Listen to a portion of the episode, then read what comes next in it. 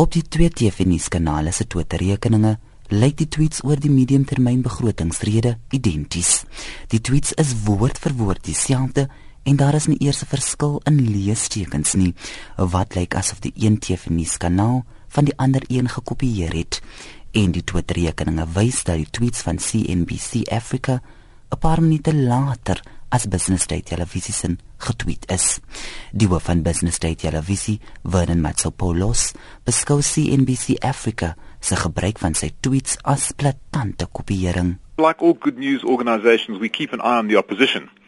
And while we were monitoring their output, we thought, wow, they're doing a surprisingly good job. And when we looked in detail at their tweets, we realized that they were simply taking what we had and putting it onto their Twitter feed, but stripping out our credit. So it looked as if it was you know, their content generated by themselves.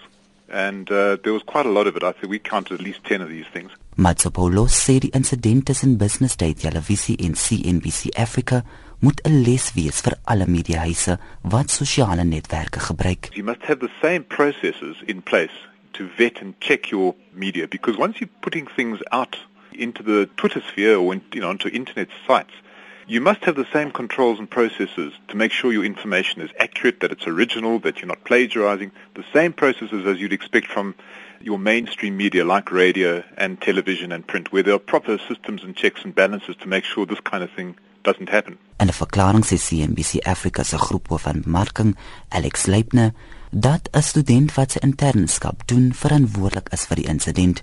Volgens Leipner het die nuusagentskap 'n hele span wat sy sosiale media rekeninge bestuur.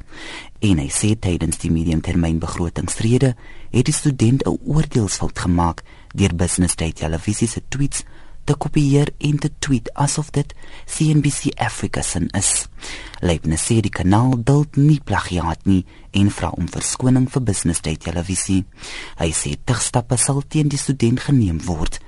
'n Dosent in nuwe media by Rhodes Universiteit se skool van journalistiek, Jude Maturin, sê joernaliste en mediahuise moet versigtig wees as hulle sosiale netwerke gebruik. Media organizations need to know that public content, including tweets, does not mean that content is public domain.